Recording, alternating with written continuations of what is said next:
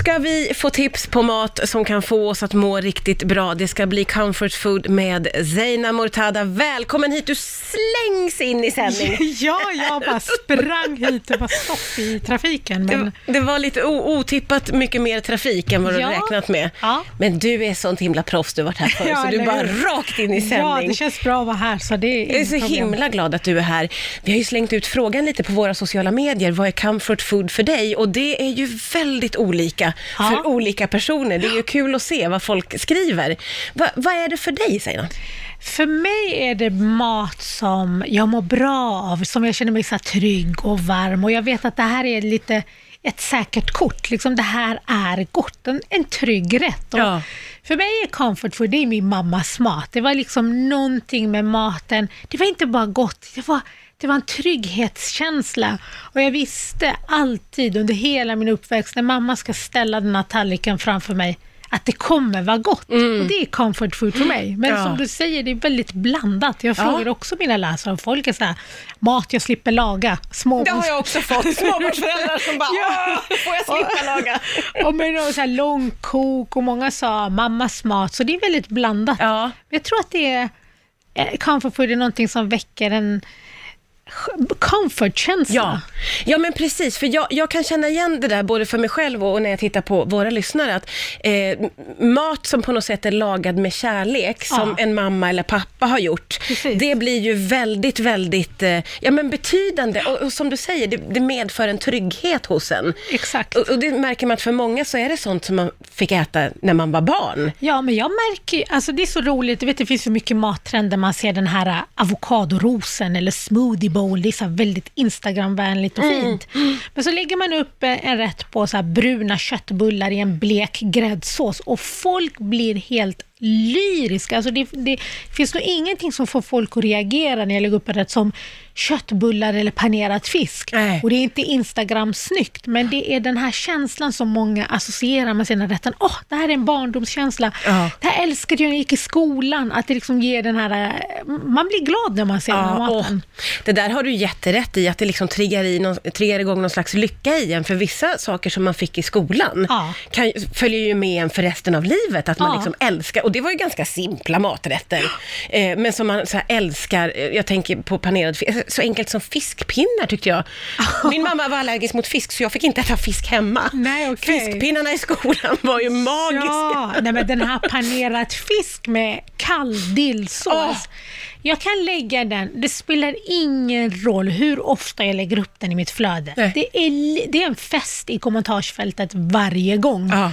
Och jag tror, förutom att det är väldigt gott, att man blir glad. Jag tror många skri- skriver så här, det här var den enda rätten jag som var god när jag gick i skolan, Ja. som vi fick i skolmatsalen. Så man minns det med liksom lycka och glädje och då blir det en comfort. Och du var ju inne på det Zeina, att du tänker på din mammas mat. Är det någon särskild rätt som du sådär vill lyfta fram? Ja, det var väl min mammas vinbladsdolma. Jag la upp en bild så på mitt flöde idag. Den var... Ja, men det, det var någonting, det var... Det, jag har liksom försökt att laga rätten exakt som henne. Ja. Hennes kryddor. Jag har till och med liksom stått med kamera och fotat henne steg för steg. Men det är någonting som hon tillför och jag tror väl att det är när det kommer från hennes händer eller det blir aldrig lika gott. Om hon kunde få den här rätta balansen i syran, liksom det ska vara surt men utan att det tar över. Det ska vara lite pepprigt utan att det är hett. Alltså det ska liksom vara välbalanserad all the way och Ja. den är magisk. Så jag lyckas aldrig göra den lika god som henne. Så hennes vinbladsdolma, det, det var den godaste. Ja. V- vad gör du eh, till dig själv om du vill liksom ha någon s- comfort food? Ja, alltså någonting som är, det är alltid ett säkert kort. Vi är ju så, man som småbarnsförälder, man, man har ju de här rätterna som man alltid kan tryggt luta sig mot och veta, okej, barnen kommer inte gnälla när jag lagar det här. Oftast är det någon pastarätt, för jag har alltid pasta hemma och jag har alltid krossad tomat. Och jag vet att en så här mustig tomatsås med spaghetti, mina barn kommer äta det med glädje. Och en god tomatsås, jag tycker det är, så här, det, det är någonting grymt. Så Ja. Det gör jag ofta när jag är stressad eller vill få någonting på bordet. Så är det pasta och tomatsås. Ja, det är ju som att man eh, vill åt det där eh, värmande på något sätt också, Ja. eller hur? Visst Ja. ingår det lite i begreppet Jo, comfort alltså, food? Ja, om jag ska säga det bästa comfort food, jag tycker så en gryta som har fått puttra länge. Ja. Och gärna om det är så lite kallt ute och så äter man så här mustig gryta, man tittar ut, man bara här sitter jag och njuter av min gryta. Och lite så här robust mat, det tycker Exakt. jag. Alltså det är verkligen så värmande Ja, och gott. ja. Men varför är det så, tror du, att vi mår så bra av den typen av mat? För jag, jag- jag ser också det på våra lyssnare, att det är grytor, eh, det är liksom eh, lasagne, du vet, det är ett hopkok, men det är varmt, förstår du vad jag menar? Ja, exakt. Alltså jag tror väl att det har mycket, jag tror att det är mycket av maten vi växte upp med. Jag tror att alltså, det, alla växte nog inte upp i ett hem där man hade föräldrar som lagade väldigt mycket Nej. mat. Det tror jag inte. Men jag tror att vår, alltså mina föräldrars generation lagade mat på ett helt annat sätt. Man, man liksom tog sig tiden att göra så här kåldolmar. Det, tror jag, det, det tror jag folk sällan tar sig tiden att förvällat kålhuvud och, och lossa blad och fylla och rulla och baka i ugnen. Det gjorde liksom våra föräldrar. Jag vet inte om det var så att man hade mer tid, alltså att man kände att man kunde lägga mer tid på maten. Och sådana rätter, jag tror så här kåldolmar är en sån rätt som också är mycket så comfort food för många. Eh, men att man inte tar sig tiden att laga det längre och man blir så glad när man ser det. Åh, det där är mammas mat. Ja. Så jag tror det är barndomen, en längtan efter den här rätten. Man minns det liksom med glädje. Och jag tycker vi ska ta oss tiden att laga de här rätten. De här rätterna som man inte liksom känner att man har tid att göra. ja, men precis. Gör kåldolmar. Det kanske är ju, eh, om man nu ska se liksom någonting positivt med mycket hemmavaro och att många sitter isolerade, Ja. att man kan ta sig den här tiden och verkligen laga de här långkoken och allting. absolut. Och ett tips om man vill göra kåldolmar och inte orkar för, förvälla det här kålhuvudet, frys in ett helt kålhuvud. Ah, Frys in det två dygn och ta ut och låt det tina över natten. Då mjuknar bladen och då blir det precis som om du har kokat det. Ah, jag älskar att få sådana här tips. Det känns ju i alla fall som att förr så la man väldigt mycket tid på matlagning. Eh, jag känner igen det här med kåldolmar som min mormor gjorde, sen dess har jag nästan inte ätit det. Eh, och att det känns som att det finns en trend eller en känsla i samhället idag av att det ska vara gott, men det ska gå fort. Ja, man vill gärna ha det väldigt så här lättlagat. Att det, eh, man, man, liksom, man står gärna i köket, men man vill inte stå kanske långa stunder.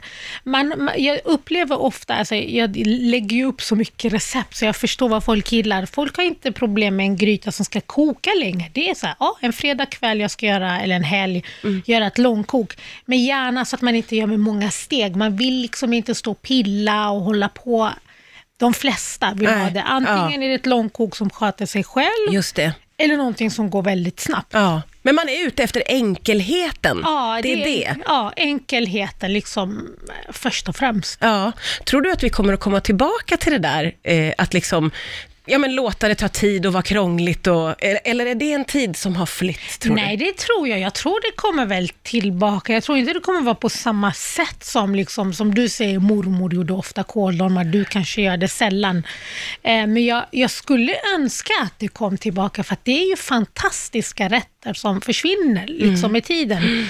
Eh, bara sån här rätt som typ dillkött. Det är helt fantastiskt. Det är också en sån här rätt som tar lite tid, men som inte är så avancerad. Men jag tror inte man ser det liksom lika ofta att folk står och lagar det. Nej, nej men precis, när det inte finns med i ens medvetande heller, Ja. då, då finns det ju inte där. Då, glöm, då faller det ju i glömska Ja. till slut. Eh, någonting som jag har varit så himla fascinerad av, det är när du lägger ut veckans matsedel. Det är ju Ja, det mest briljanta någon någonsin har kommit på. Och bara sitta och bläddra i bilderna, alltså det är ett veckonöje för Vad mig. roligt. Ja, det är underbart. Eh, och nu har man ju förstått att det här ska också bli en bok, ja, det är helt, det är helt, alltså jag, den här veckans matsedel, jag har ju över 1000 recept på min blogg och varje vecka när jag ska skriva den går jag igenom recepten en för en för att liksom sammanställa en bra matsedel, eh, varierad mat, det ska vara lite röd tråd i rätterna. Och jag märker ju att när jag lägger upp den här matsedeln varje söndag att statistiken på min blogg Alltså jag tror besökarstatistiken, den mer än dubblas för Ja, det förstår Matsen- jag. Då tänkte jag, det här måste ju bli en bok. Ja, Alltså, så- äntligen kom du på det. Ja, men jag kom på det, så här, tredje boken. Jag bara, okej, jag gjorde en bok med lite så avancerade rätter. Första rätten, ja, det var populärt. Andra boken, så här vegetariskt. Och så bara, jag bara, nej men, okej, vad är det mina läsare vill ha? Och Ja. det, det är veckans matsedel. Ja, så ja. det är jättekul. Den kommer ut i augusti, men det är lite knappt. Den kommer ut i augusti, men det är över 1000 sålda böcker redan. Jag gick ut med boken i söndag, så det är, så här, det är Herregud, jättekul. sån succé redan. Ja, jag har lagt ner min själ på den här Ja, boken. ja, vad roligt. Grattis Tack till så det. jättemycket. Tusen tack för att du kom hit och Tack inspirerade. snälla. Jag älskar när du är här. Tack snälla Zeina Tack så jättemycket.